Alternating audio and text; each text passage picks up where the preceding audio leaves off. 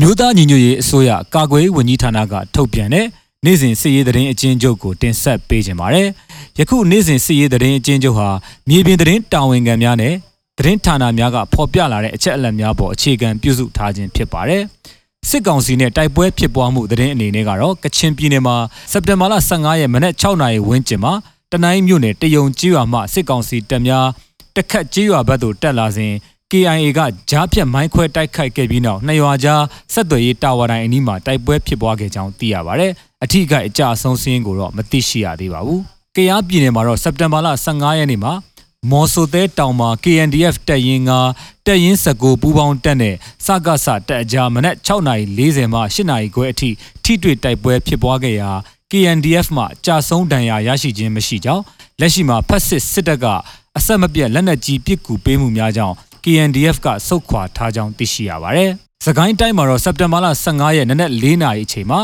ကောလင်းမြို့နယ်တောင်မော်ရွာစာတင်ကျောင်းမှထွက်လာတဲ့အင်အားအပြည့်ဖြင့်စစ်ကား၄စီးကိုတစ်စိန်ကုန်းအနောက်တောင်ရိုးမှာကောလင်း PDF နဲ့ဒေသခံပြည်သူ့ကာကွယ်ရေးအဖွဲ့များပူးပေါင်းပြီးမိုင်းဆွဲတိုက်ခိုက်ခဲ့ရာနှစ်စီးမိုင်းထိခဲ့ကြောင်း စကားစအကြအရှုံးနဲ့အရေးအတွက်ကိုအတိမပြုတ်နိုင်သေးကြောင်းသိရပါဗျ။ကျန်နစီမှာလမ်းပေါ်တွင်ရန်တမ်းပစ်ခတ်ပြီးကြောက်တန်းရွာဘက်သို့အမြန်မောင်းဝင်သွားကြောင်းသိရပါဗျ။ချင်းပြည်နယ်မှာတော့စက်တင်ဘာလ15ရက်မနက်9နာရီခန့်မှာ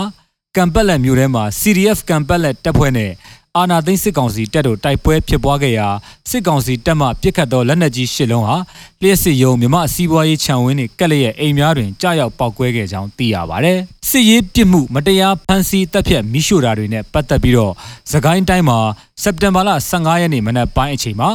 မြောင်မြို့နယ်ကြောက်ရရွာမှစကားစတများတရက်တာရွာကိုဝင်ရောက်မှွေနှောက်နေပြီးထိုရွာအရှိတ်ရှိဘူးကန်ရွာကို RPG နဲ့သုံးချက်ခန့်ထုက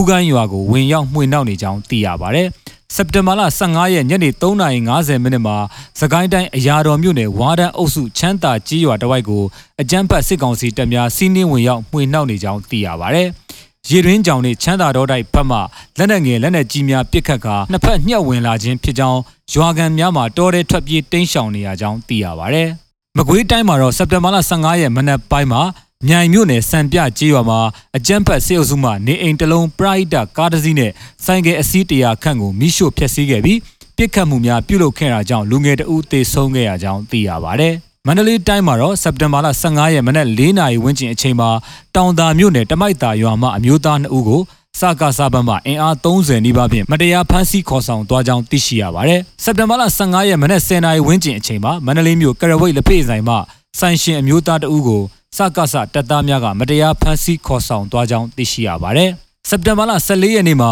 မကွေးတိုင်းဒေသကြီးစလင်းမြို့နယ် NLD မြို့နယ်အလုံမှုဆောင်ဦးနိုင်လင်းကိုစစ်ကောင်စီတပ်များကပြစ်တက်လိုက်ပြီးအလောင်းကိုလူယူသွားက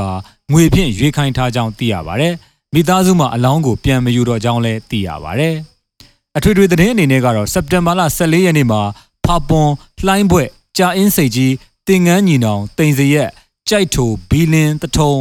မော်လမြိုင်မှုတုံတန်ဖြူစရက်ရေကော့ဂရိတ်နဘူးဖအံမြိုင်ကလေးဒေတာများမှာ